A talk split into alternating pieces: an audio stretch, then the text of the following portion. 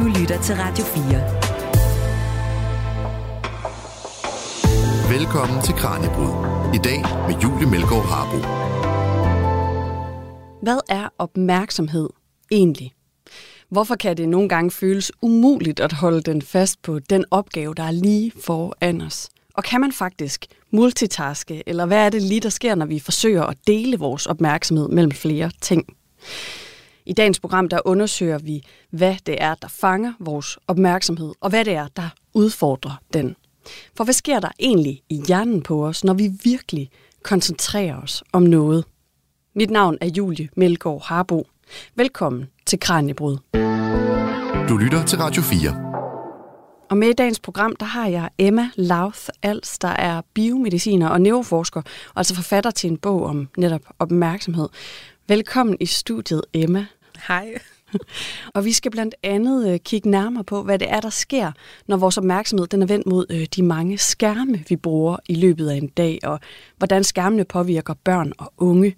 Og så skal vi altså dykke ned i, hvad opmærksomhedsøkonomi det er for noget, og hvad vi faktisk selv kan gøre for at blive bedre til at holde vores opmærksomhed fast på én ting i længere tid. Men jeg tænker, vi lige skal starte med at få slået fast, hvad det er, vi skal tale om i dag. Altså Emma, hvad er opmærksomhed? Ja, det er et rigtig godt spørgsmål. Uh, vi kan tænke om opmærksomhed uh, i alt muligt forskellige måder. Uh, vi kan tænke om, hvad fanget vores opmærksomhed, hvordan vi kan fokus. Måske du tænker om din koncentrationsevne, hvor lang tid du kan holde din opmærksomhed. Eller måske du tænker om at dele din opmærksomhed. Og som biomediciner, jeg, jeg tænker om det, uh, om hvis alle de her typer for opmærksomhed, hvis de bruger det samme del af hjernen, eller hvis de bruger forskellige dele af hjernen. Uh, og så selvfølgelig uh, med det, vi har omkring tre type af opmærksomhed. Så det med fokus og fange vores opmærksomhed, det er, de bruger det samme del af hjernen, så det er lidt uh, to sider på det samme mønte, mm. hvis du kan se det. Ja. uh, og så er der også uh, uh, vores koncentrationsevner, vores vedvarende opmærksomhed, det bruger en anden del af hjernen, og så uh, det er den idé at skifte imellem forskellige opgaver, dem med at dele vores opmærksomhed, eller multitasking, det bruger en anden del af vores hjerne. Så det er de her tre typer, du vil dele opmærksomheden ind i? Ja, hvis du spørger mig. Og vi skal altså også stykke lidt ned i, øh, hvad det er for nogle dele af hjernen, der er på spil her senere øh, i de her forskellige typer opmærksomhed. Jeg kunne godt tænke mig også at høre, hvor længe vi faktisk kan øh, koncentrere os om noget. Altså, hvad er det længste, vi kan holde vores opmærksomhed på en opgave? Ja, det, det er et spørgsmål, jeg har rigtig tit. Hvor langt kan jeg endelig koncentrere mig? Fordi der er mange, der også siger, at jeg, jeg føler som min koncentrationsevner, det, det er ikke så langt nu, at øh, over uh, de her sidste år, at de har kommet ned og ned, uh, og det er ret, rigtig kort. Uh, men det, det er faktisk et meget kompliceret spørgsmål, fordi mm. det, vores koncentrationsevner, det afhænger meget om, uh, hvilke opgave uh, vi er i gang med. Så måske du kan holde din uh, koncentration for en time, hvis du læser en bog. Men uh, hvis du skal snakke om uh, med en finansrådgiver, det er måske 10 minutter, før du er bare træt ja. af det. Uh, og så uh, det kommer lidt an på opgaven, og så også uh, vores motivation. Uh, så selvfølgelig, hvor, hvor meget interesse du har i noget, så du kan uh, måske med det samme opgave, så hvis du uh, ser en tv-serie, du kan holde din opmærksomhed en hel dag og se det hele af din yndlings tv-serie på Netflix. Men uh, uh, måske hvis det er noget, du ikke har så meget interesse i, uh, at du kan kun se et afsnit, før du siger, okay, det var nok. Kan det ikke også være tilfældet, hvis det er noget, der er meget kompliceret? Altså hvis det for eksempel er en tv-serie, der kræver meget af dig, vil du så ikke også kunne holde opmærksomheden på det kortere tid? Altså hvis det er kompliceret at følge med i plottet? Eller? Det, det er faktisk interessant, fordi hvis det er meget, meget kompliceret, det er ligesom du sagde, at øh, det, det kan være svært at holde din opmærksomhed over en lang tid. Der, bare fordi det, det kræver meget mere mental indsats. Øh, men på den modsatte side, øh, kan det også være svært at holde din opmærksomhed, hvis det er for nemt, hvis det er for kældig, uh, at du har ikke nok uh, stimulation. du ser den samme serie, som du har set fire gange før, fordi det er lidt hyggeligt. Ja, præcis. Der holder du ikke rigtig en opmærksomhed på den. Det er for, at du kan sidde og lave noget andet imens måske. Ja, præcis. hvad så med den her idé om, at vi godt kan multitaske, altså at vi godt kan fokusere på flere ting samtidig, og faktisk dele vores opmærksomhed på den her måde? Altså, hvad sker der i vores hjerne, hvis vi prøver på at multitaske? Ja, så øh, hvis vi kigger på hjernescanning, du kan se, at du kan ikke rigtig multitask. Du kan ikke virkelig dele din opmærksomhed. Det er mere som, at du skifter hurtigt fra en opgave til det næste. Så hvis vi igen kigger på hjernescanning, vi vil se en uh, signal i uh, den del af hjernen, at du bruger til den første opgave. Og så når du skal skifte til det næste, du vil se, at så har du aktivering i en ny del af hjernen. Fint. Uh, men det er stadig lidt af en uh, restaurant signal i den første eller fjern til den første opgave, og det tager noget, nogle sekunder måske, før den forsvinder.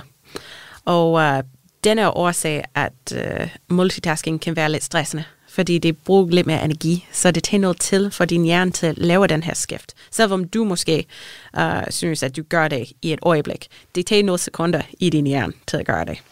Og så det er, uh, hvad folk uh, kalder den uh, for switch cost, eller skiftpris måske. Mm. uh, så det er gratis at skifte uh, fra en opgave til det næste. Og så det er også også, at det, det kan være lidt stressende, og det tager meget af vores produktivitet, hvis vi gør det hele dagen, at vi skal tage nogle sekunder til at komme ud af en opgave, og så ind til det næste. Og så igen, når vi skal komme tilbage, det er det samme. du skal tage nogle sekunder til at komme ud af uh, den, der har forstyrret dig, og så ind til den originale opgave. Så vi bliver mentalt udmattet. Ja. Altså, så man kan i princippet godt, men, øh, men det koster bare mere for ja. hovedet. Så vi kan godt skifte mellem de her dele af hjernen, der prøver at udføre forskellige opgaver. Øh, men hvis vi prøver at gøre det en, en hel dag, eller Ja, øh, hvis du, hvis du prøver at gøre det en hel dag, det vil være meget stressende. Uh, og som sagt, det vil bare ikke effektivt. Men um, du kan også se, at det er ikke så nemt at gøre, hvis din opmærksomhed er udfordret. Uh, så jeg kan godt lide den eksempel, men, uh, hvor hvis man kører bil, så du kan køre bil til arbejde hver dag uh, og lytte til radioen. Det er mm. nemt nok. Måske du gør det lige nu. Men uh, det er fint. Så du skal bare skifte hurtigt med at køre og lytte. Køre, lytte. Og det er okay, fordi det, det er den vej, du går uh, hver dag. Så det kræver ikke så meget mental indsats. Og så det er det samme med at lytte. Det er meget passivt. Det kræver ikke så meget mental indsats. Men hvis du er i en ny by, eller det er masser af trafik, og du skal finde din vej, hvad er det første ting, man gør? De slukker de slukker for radioen. Mm. Fordi de kan ikke holde deres opmærksomhed på de to forskellige ting, når det er udfordret. Uh, så det er den måde, at du kan se, at det er rigtig svært. Så hvis der er noget sådan muscle memory involveret, altså det kører på automatik, øh, vi kører bil, vi mm-hmm. cykler, vi gør noget, vi ligesom ikke behøver at tænke over, så kan vi godt have flere ting øh, kørende samtidig. Præcis, fordi det koster ikke så, så meget at lave den der skift. Og det er også noget med, hvor forskellige de to opgaver er. Så for eksempel med at køre bil, så det er meget motorisk, ikke bare med bilen, men muskelmotorisk, og så uh, at lytte, det er noget auditiv uh, stimuli. Så det er meget forskelligt. Men du kan se, hvis du har to venner på hver side af dig, uh, og de begge to fortæller dig en historie, du kan se ret hurtigt, at du kan ikke holde din opmærksomhed på begge dele på det samme tid. du har et barn, der snakker til dig i den ene ende, når du prøver at tale i telefon med din ven Præcis. i den anden. At så kan du faktisk ikke høre, hvad nogen siger. Nej. Er det det her, hvor vi, hvor vi kører i bil, og vi samtidig godt kan høre radio, eller vi cykler, mens vi hører en podcast? Er det det, man kalder den vekslende opmærksomhed, eller hvad er vekslende opmærksomhed for noget? Ja, det, det er lige præcis vekslende, vekslende opmærksomhed. Uh, og det er, uh, den definition er at skifte mellem to opgaver. Så det er virkelig, hvor lang tid det tager dig til at skifte fra en til det næste. Og du nævnte før, at det har konsekvenser for vores produktivitet, mm. øh, når vi så forsøger at multitaske på en måde, hvor, hvor vi ligesom ikke kan veksle, hvor det faktisk kræver noget. Altså, hvad, hvad har man set her? Hvordan har det konsekvenser? Ja, fordi din opmærksomhed, når du starter med en opgave, din opmærksomhed, det kommer lidt ind og ud, det svinger ind og ud, det er ikke bare til og fra. Så det tager noget til til at komme ind til den der dyb fokus uh, i din arbejdsdag, og så måske du har en projekt, og så det til 10 minutter at komme ind til den her dyb fokus, hvor du har virkelig der, og du kan skrive en masse. Og så en kollega komme ind, og så du, kan, du skal komme hele vejen ud fra den der dyb fokus, og op og skifte til en ny opgave. Og så ja, svare deres spørgsmål, og så du skal komme tilbage, og du skal gå tilbage lidt og sige, okay, hvor var jeg i min, i min opgave her? Um, og, og igen komme ind til den der dyb fokus. Så det er også, at det, det kan tage masse af vores produktivitet hver dag. Nogle eksperter i den område siger, at det kan være op til 40% af vores produktivitet. Uh, men det, det er lidt svært at måle, selvfølgelig. Men det, det, uh, det, det kan virkelig påvirke vores uh, arbejdsdag. Så den går ud til alle derude, der, der har storrumskontorer, at måske man faktisk kunne øh, øge produktiviteten med, med op til 40 procent, hvis man, hvis man fandt måder, hvor man øh, kunne isolere sig i sin fokusboble. Ja, præcis. Ja. Det, det kan være rigtig rart at have den der um, uh, tid med kolleger i, i de her store open kontorer, men på det samme tid nogle gange, uh, hvis du har noget, at du skal virkelig fordybe sig i, måske det er godt at uh, finde en privat kontor for en time, eller uh, bare have noget um, headphones ja. på. ja, have nogle høretelefoner på. Høretelefon. Og nu skal vi altså kaste os over, hvad det er, der fanger øh, vores opmærksomhed, og hvad det er, der udfordrer den. lytter til Kranjebrud på Radio 4. Og altså noget, der i hvert fald kan fange vores opmærksomhed, det er vores øh, skærme. Så hvordan påvirker skærme vores koncentrationsevne, vores opmærksomhed, Emma? Ja, det er en rigtig stor spørgsmål, fordi ja. det er kun nu, at vi har børn, der har vokset op og starter at komme ind til arbejdsmarkedet, øh, hvor de har virkelig vokset op med teknologi. Uh, fordi for eksempel, jeg er lidt over 30 år gammel, og jeg har ikke haft en smartphone, da jeg var barn. Det var, da jeg var i gymnasiet, at vi haft det så. Uh, det er ja, de digitale indfødte, det er vel dem, der er ved at blive voksne nu. Præcis, ja. ja. Så, så det er rigtig spændende at se, hvordan de, uh, de kommer ind til arbejdspladsen. Um, og øh, hvordan teknologi har påvirket deres udvikling. udvikling. Men øh, lige nu, nu, at teknologi er så stor en del af vores dag, især med børn nu, øh, det er den store spørgsmål, øh, hvordan de her skærm, øh, de påvirker vores koncentration. Øh, og øh, ja, problemet med det er, det, at det er virke, virkelig svært at lave en rigtig forsøg om det. Mm. Fordi selvfølgelig, det er skærmtid.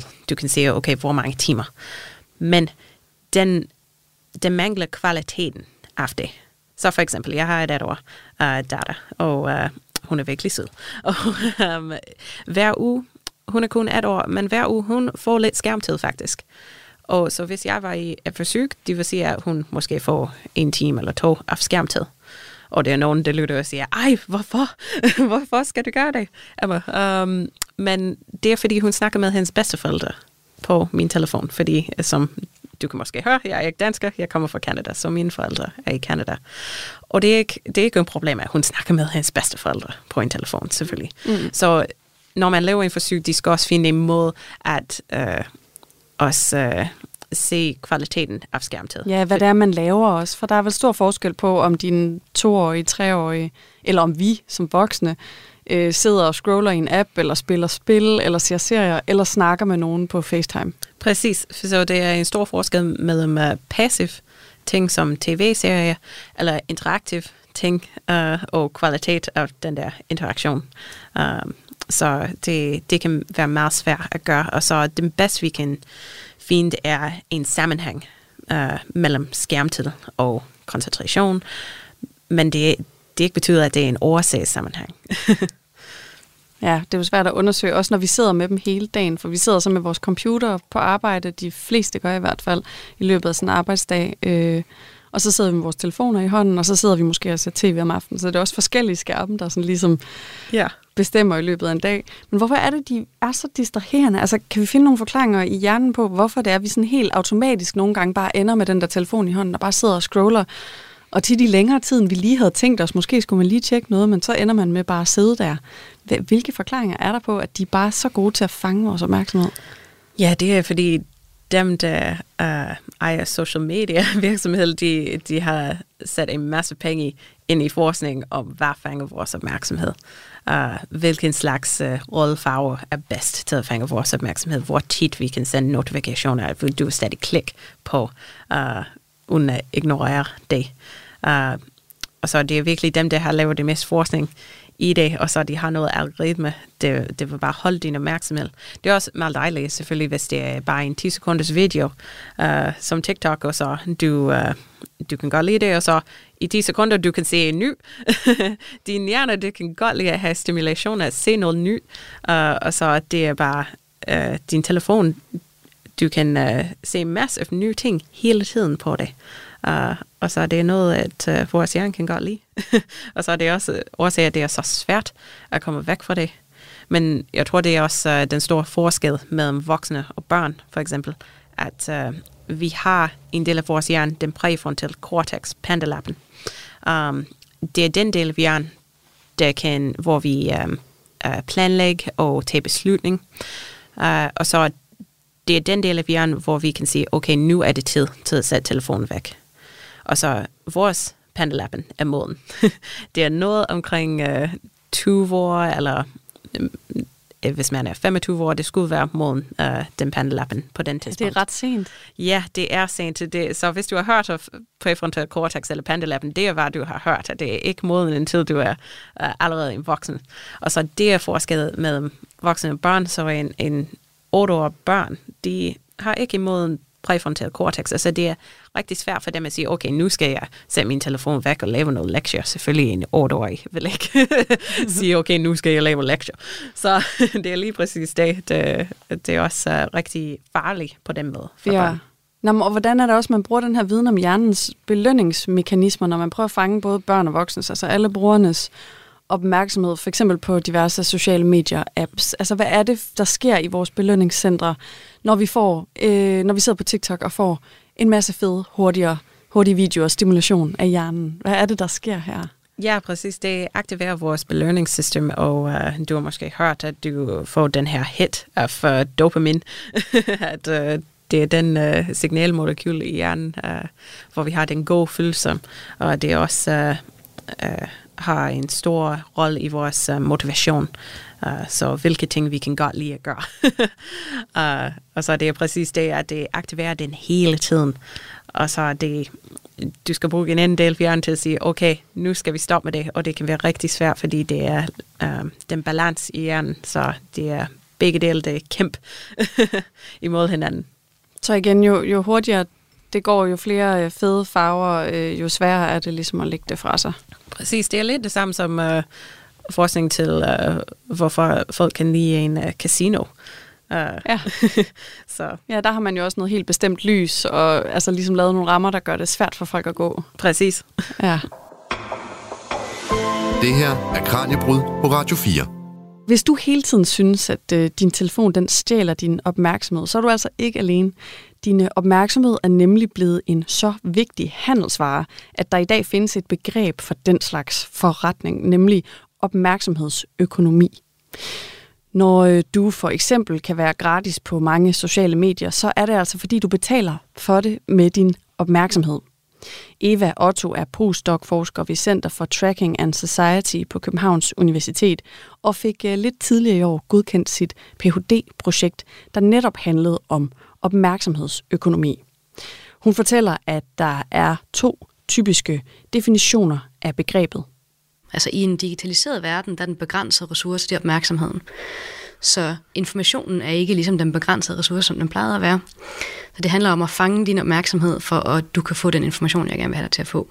Det er den store, udvidede kategori.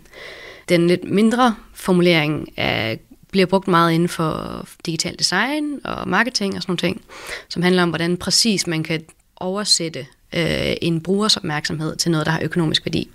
Så det kan enten være ved at vise nogle reklamer, eller ved at bruge noget tid på en platform, som man får samtidig får noget data igennem øh, om personen.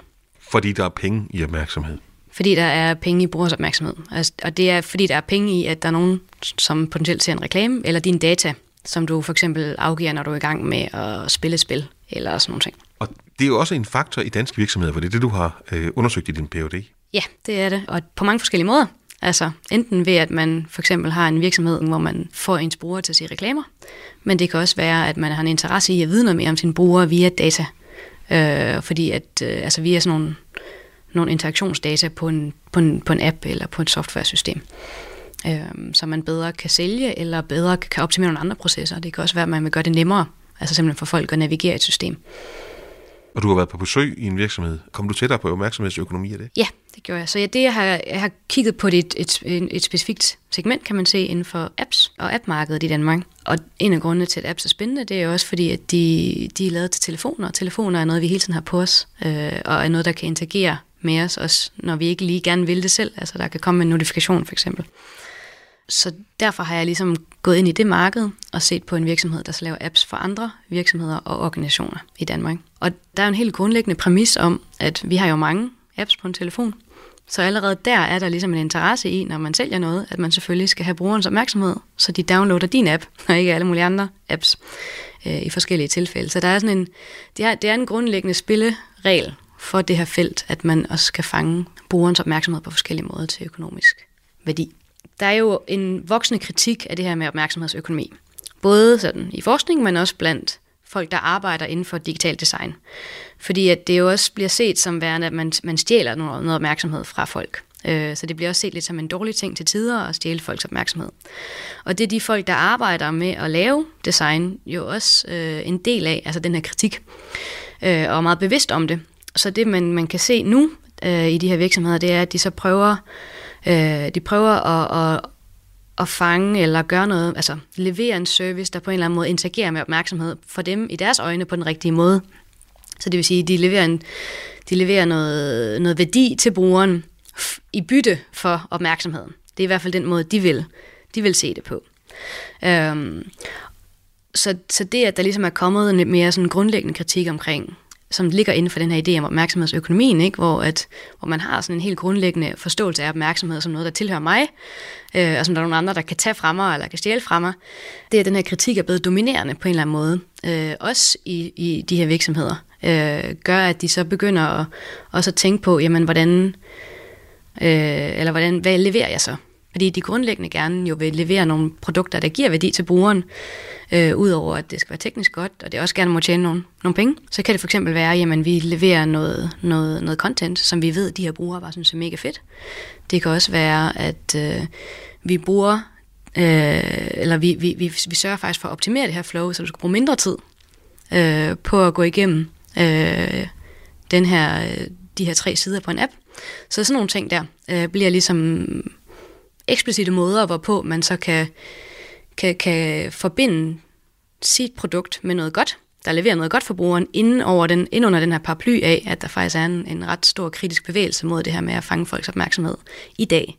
Opmærksomhedsøkonomien, tænker du, at bliver større eller mindre i de kommende år? Bliver, det, bliver der mere krig om vores opmærksomhed?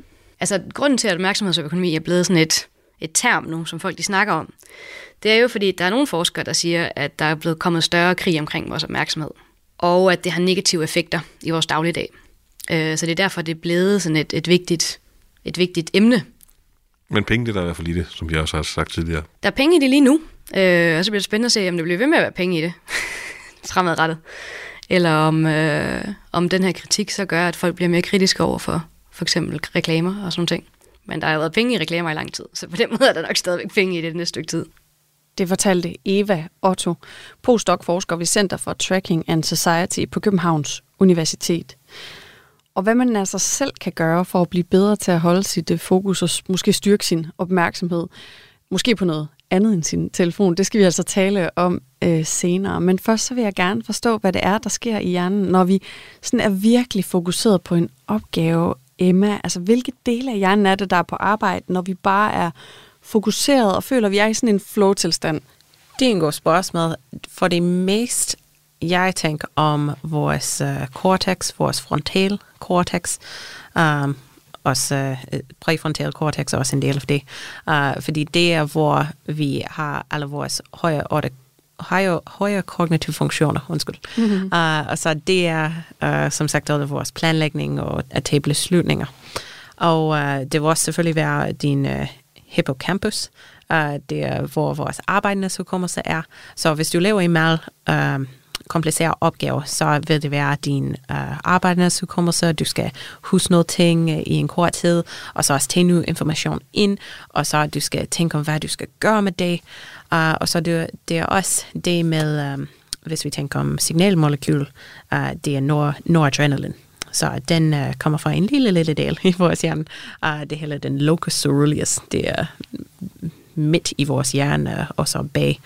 Uh, og den har noget forbindelse igennem hele cortex. Så det er den signalmolekyl, at vi tænker om, når vi tænker om at holde vores opmærksomhed over til. Så når vi er i den her dybe fokus, jeg snakker om tre forskellige typer for opmærksomhed, faktisk du skal bruge alle tre. Så du skal fokus på noget, uh, og så du skal også holde den fokus over til, mm. og så du skal til sidst bruge din vekslende opmærksomhed til at tage information ind, og så gøre noget med det. Så det, det er ikke sådan, at alle de her typer for opmærksomhed uh, virker separat fra hinanden, uh, men de arbejder sammen hele tiden. Og vi har været lidt omkring det her nu med belønningscentre og måden øh, telefonerne er skruet sammen på til simpelthen at tale, øh, tale til vores hjerner og holde vores opmærksomhed. Men hvad er det, der ligesom motiverer os? Vi har talt lidt om den her motivation. Øh, hvad er det, der motiverer os til at holde koncentrationen? Og her tænker jeg sådan i andre sammenhænge end med vores skærm. Altså hvad er det ellers, der sådan kan motivere os til at holde vores opmærksomhed fast, Emma? Det er en god spørgsmål. Det er først, du skal tænke om, at du har, al, at du har alle dine basics på plads. Så først, du skal være i en god tilstand på en måde, at uh, du har uh, du fik din søvn uh, dagen før, og at du har måske spist. så det, Alle de basale behov ja, præcis. er dækket. Fordi hvis, uh, hvis uh, du har været i et møde, det er lige for frokostpausen, du har måske lagt mærke til, at hele tiden, næsten hele tiden, du tænker om, okay, hvad skal jeg spise? Hvornår skal vi spise? Er vi næsten færdige? Så det, det også handler om din motivation, fordi din højeste motivation på den tidspunkt er, at du er sulten. Mm-hmm. så, så det er også også, at det, det er vigtigt, at hvis du vil uh, komme og arbejde på noget store, at uh, du, du er klar til det. Um, og så også at holde vores motivation, det er... Um, det er noget, det vi har interesse i, og så også det, det er lidt um, noget, det kan være lidt af en udfordring. Vores hjerne kan også godt lide at arbejde. Det, vi kan godt lide at tænke på ting og uh, har noget, der er lidt kompliceret for os. Så hvis det er en udfordring, så kan vi føle uh, øh, lidt mere motivation, når vi gør noget, eller øh, hvad vi, hvis vi har skrevet noget, at det kommer ud, og vi tænker, ja, yeah, det er godt. Og folk kan godt lide den her, at uh, jeg har skrevet. Så den, på den måde, at du kan også have motivation. Så det er, ikke, det er kun fra de her lys og lyd fra telefoner og den slags, at du kan få dopamin. Uh, det kan også være på noget, du kan bare godt lide at arbejde med. Og så er det også også, at uh, når vi snakker om flow, uh, at for det meste vi snakker om kunst eller uh, kreativ uh, skrivning, den slags, uh, den slags opgaver, den, hvor du kan bare sidde ned og bare uh, bare laver ting over flere timer, og du skal ikke skifte hele tiden med at uh, stoppe, og så måske google noget, at det, det bare kom ud, og at uh, du kan bare koncentrere over til, fordi du kan rigtig godt lide det. Du lytter til Kranjebrud på Radio 4. Mit navn er Julie Melgaard Harbo, og vi er i gang med Kranjebrud, hvor vi i dag kigger nærmere på vores opmærksomhed og hvad der fanger og udfordrer den. Med i studiet der har jeg Emma Lauth Als, der er biomediciner, neuroforsker og forfatter til en bog om opmærksomhed. Og Emma, noget af det, som du interesserer dig meget for, det er jo børns opmærksomhed og hvordan det fungerer. Vi har også talt lidt om det allerede, men det kunne jeg godt tænke mig at dykke mere ned i. I forhold til det her med for eksempel børns skærmbrug, altså ser man nogle, øhm, nogle former for biologiske ændringer, når vi undersøger børn og hvor meget de bruger skærmene. Så jeg har lidt gode nyheder til dig, faktisk. Fordi for det meste nyheder er dårlige omkring uh, den her Men jeg har ikke set noget forsøg, der siger, at det har været en biologisk ændringer i børns hjerne i forhold til deres koncentrationsevne. Uh, men det, det er selvfølgelig en men. Uh, men det har også været noget forsøg, at finde en sammenhæng mellem uh, skærmtid og vores vildsubstans. Og du har måske ikke hørt om, hvad vild substans i vores hjerne er. ja, måske vi kan tage det. Hvad er hvid substans? Ja, så det, din hjerne øh, er delt i to. Så det er den grå substans, og det er den ytte del af hjernen. Ja. Og så den vilde substans er i midten. Så i den grå substans her, vi har alle hjerneceller. Uh, og så når de skal kommunikere med en anden del af hjernen, så at de skal hele en lille, lille kabel, som en elektrisk kabel, det går til den anden del af hjernen. Og så den går igennem den vilde substans. Så den vilde substans er den nervebaner i vores hjerne. Okay. Så det handler om forbindelse mellem forskellige dele af hjernen. Mm. Så det er rigtig vigtigt, hvis alle vores forskellige dele af hjernen skal snakke sammen.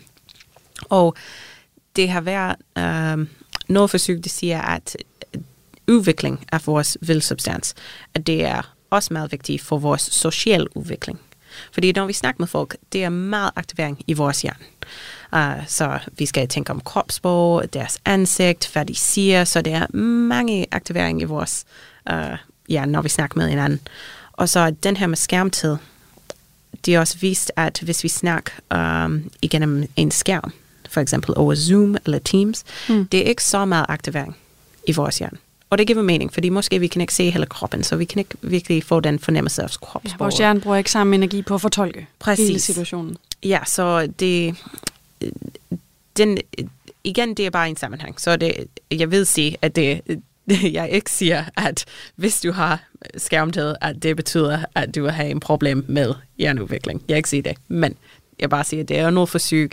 Vi har noget idéer om, at det kunne være en problem uh, med børn, og at de bruger en skærm i stedet for at have social interaktion uh, live med en anden uh, person at uh, det kun har en påvirkning på deres hjerneudvikling. Så.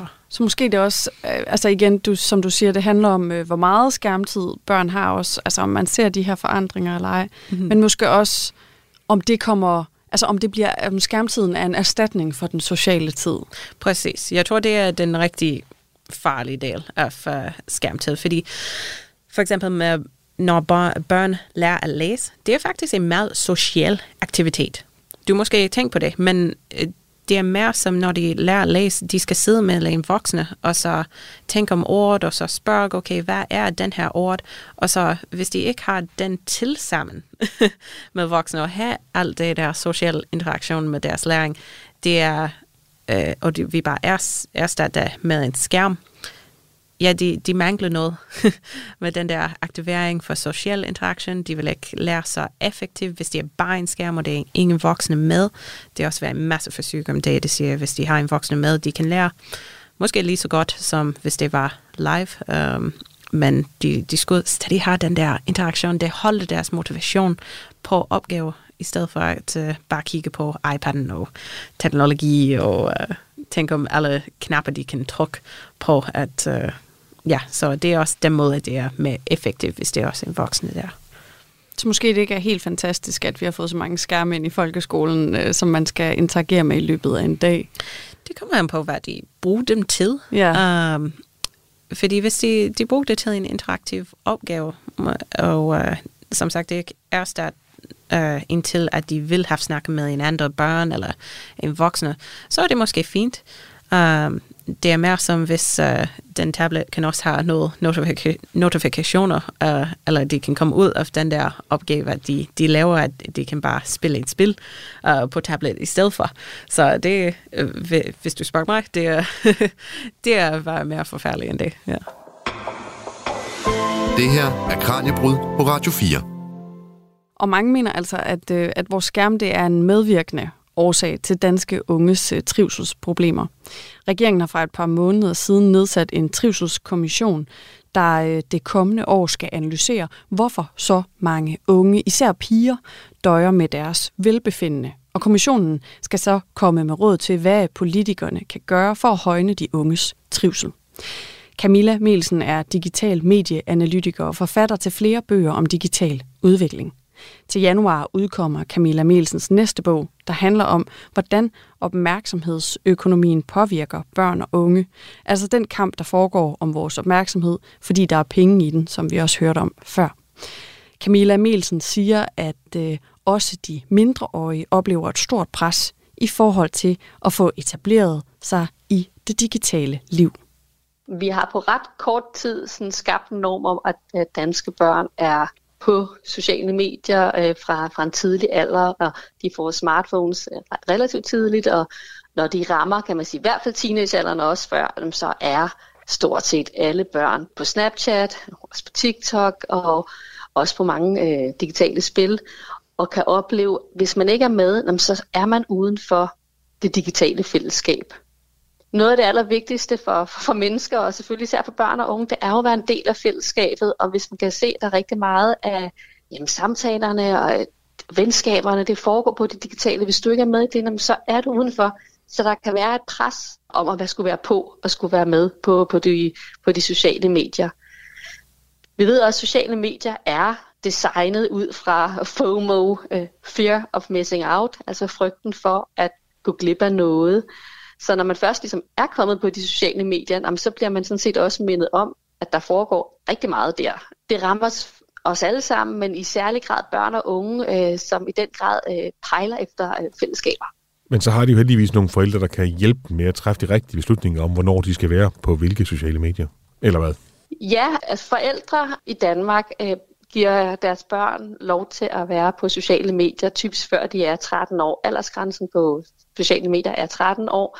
Men når mange forældre vælger at give deres børn lov til, for eksempel på Snapchat eller TikTok før 13-årsalderen, så er det fordi, der lige pludselig opstår en norm om, at når mange, alle de andre må, alle de andre er på, og det kan godt være, at alle de andre ikke er på, men mm, altså i, hvad ved jeg, i, i 4. klasse eller 5. klasse, men de kommer gradvis. Og som forældre, så synes man måske, det er vigtigere, at ens barn er med i det digitale fællesskab, end at de er på platforme, som er kommercielle, og som viser reklamer, øh, og hvor der måske også er en masse indhold, som heller ikke er egnet for, for barnet. Så fællesskabet vinder lidt over, hvad altså den her opmærksomhedsøkonomi, som de sociale medier øh, betjener sig af. Men er det et stort problem? Altså på en eller anden måde er de jo så også altså, opdraget til at færdes i den her digitale virkelighed. Det er en myte, at børn og unge født ind i en digital tid er digitalt indfødte, der mestrer det digitale.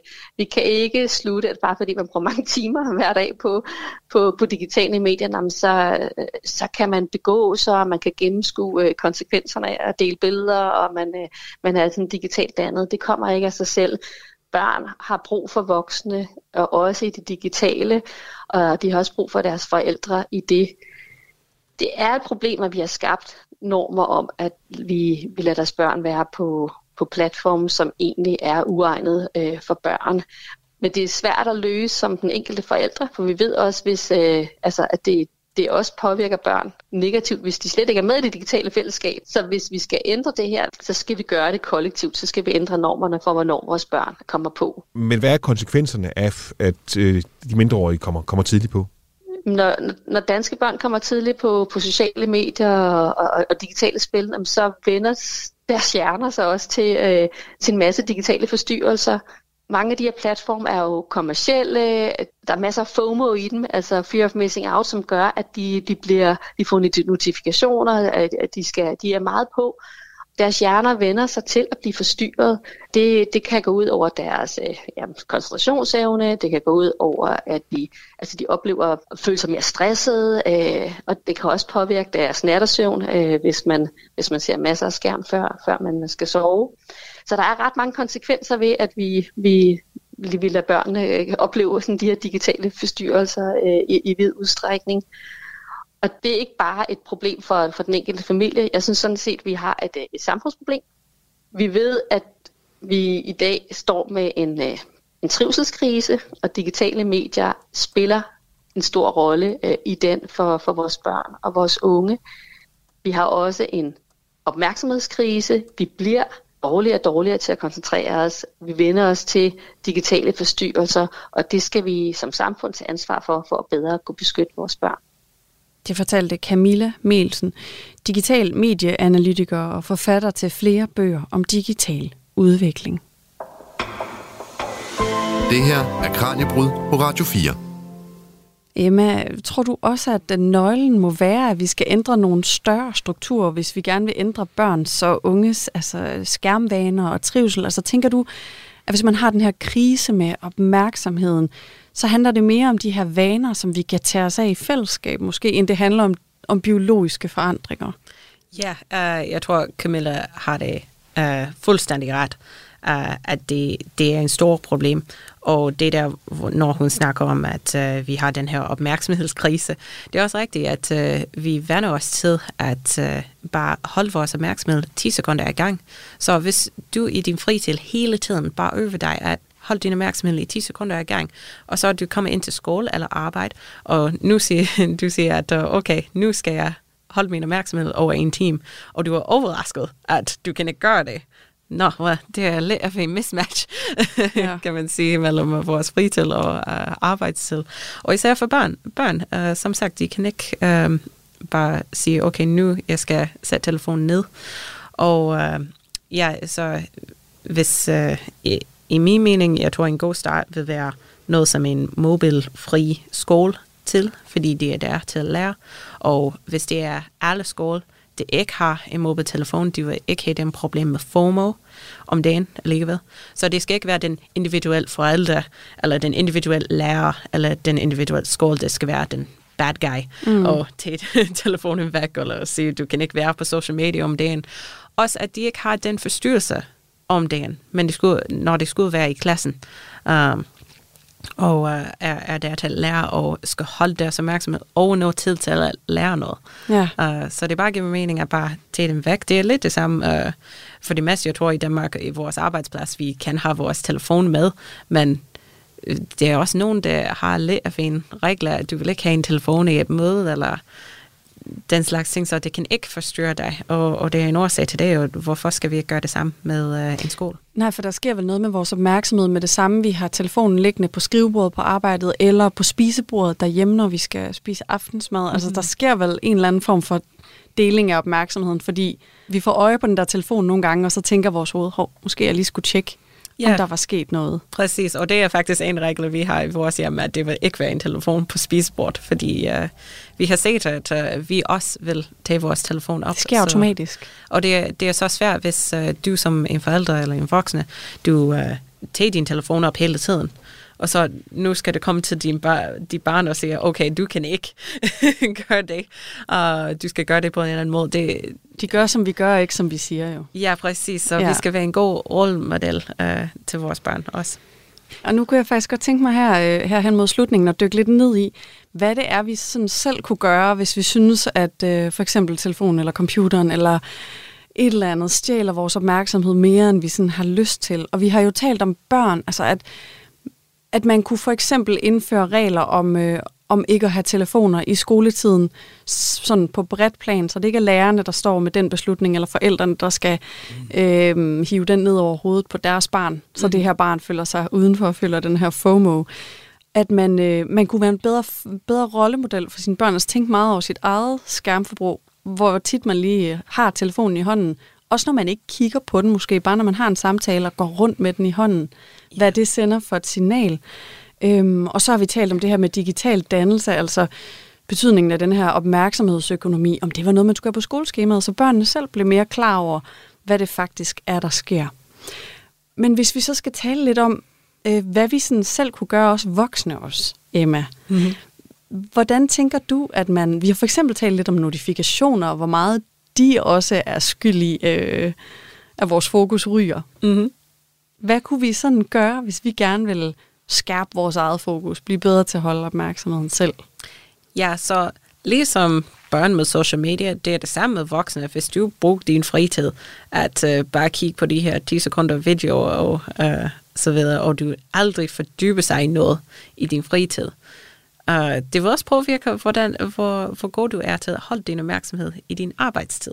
Så hvis du vil holde din opmærksomhed lidt længere tid, du skal bare øve det. Øve sig at, uh, at uh, komme i dyb fokus i noget. Her er en hobby, det er ikke bruge skærm.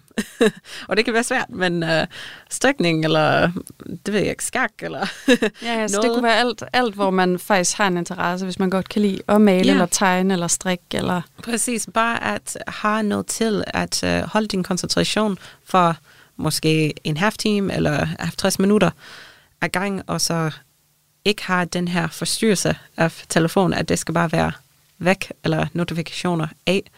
Uh, og så på den måde, du, du måske lægger mærke til efter noget, noget uh, dag eller en uge, at din opmærksomhed om dagen, det er lidt nemmere at bare holde over til og ikke kigge på den der telefon hele tiden. Hvad med sådan noget som rummene? Øh, altså ligesom de settings, vi sætter for os selv. Hvilken betydning har omgivelserne for, hvilke vaner vi, sådan, hvilke vaner vi får, og hvordan vores opmærksomhed den opfører sig? Ja, din, øh, din hjerne er også... Øh, det vil også virke på en effektiv måde. Så hvis du kom ind til din arbejdsplads, det er noget i din hjerne, der siger, okay, nu er det tid til arbejde, så du kommer lidt mere ind til den der produktiv øh, øh, omgivelse. Mm, så der kan hjemmearbejdspladsen faktisk måske være lidt sværere alligevel. Ja, måske du har lagt mærke til det, hvis uh, du har ikke haft en uh, skrivebord i din hjem før, og så du startet den, uh, for eksempel under covid, at uh, du skal arbejde hjemmefra, og så måske det var svært at uh, ikke være distraheret ved nogen, især hvis du ikke har plads til en skrivebord, og du var en af dem, der arbejdede på din spisebord, og så det, det var bare, at du kan se hele huset. Og du kan se opvasken, der ruder. Præcis, og... så det, det er lige det, at din hjerne er lidt mere, nej, jeg er hjemme, det er der, hvor jeg, jeg vasker tøj, og jeg klakker mad, og det hele så. Uh, og det er meget vigtigt, når vi tænker om vores soveværelse faktisk, fordi vores seng skulle være et sted, hvor vi har afslappning, at det er rolig, et roligt område.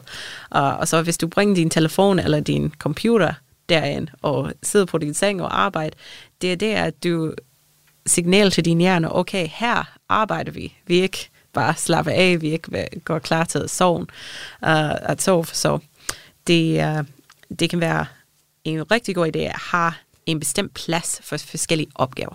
Så du har din plads, at du arbejder i. Og så når du sidder der, din hjerne er klar, de siger, okay, nu, nu skal vi arbejde. det er det samme med sove. De senge til sove, så når du kommer i seng, så er det klar til at sove til. Uh, så det, det er små ændringer, men, men det kan hjælpe. Og så sådan noget som bevægelse og pauser har også en, øh, en stor betydning for, hvor, hvor, hvor gode vi er til at holde vores opmærksomhed. Er det ikke rigtigt?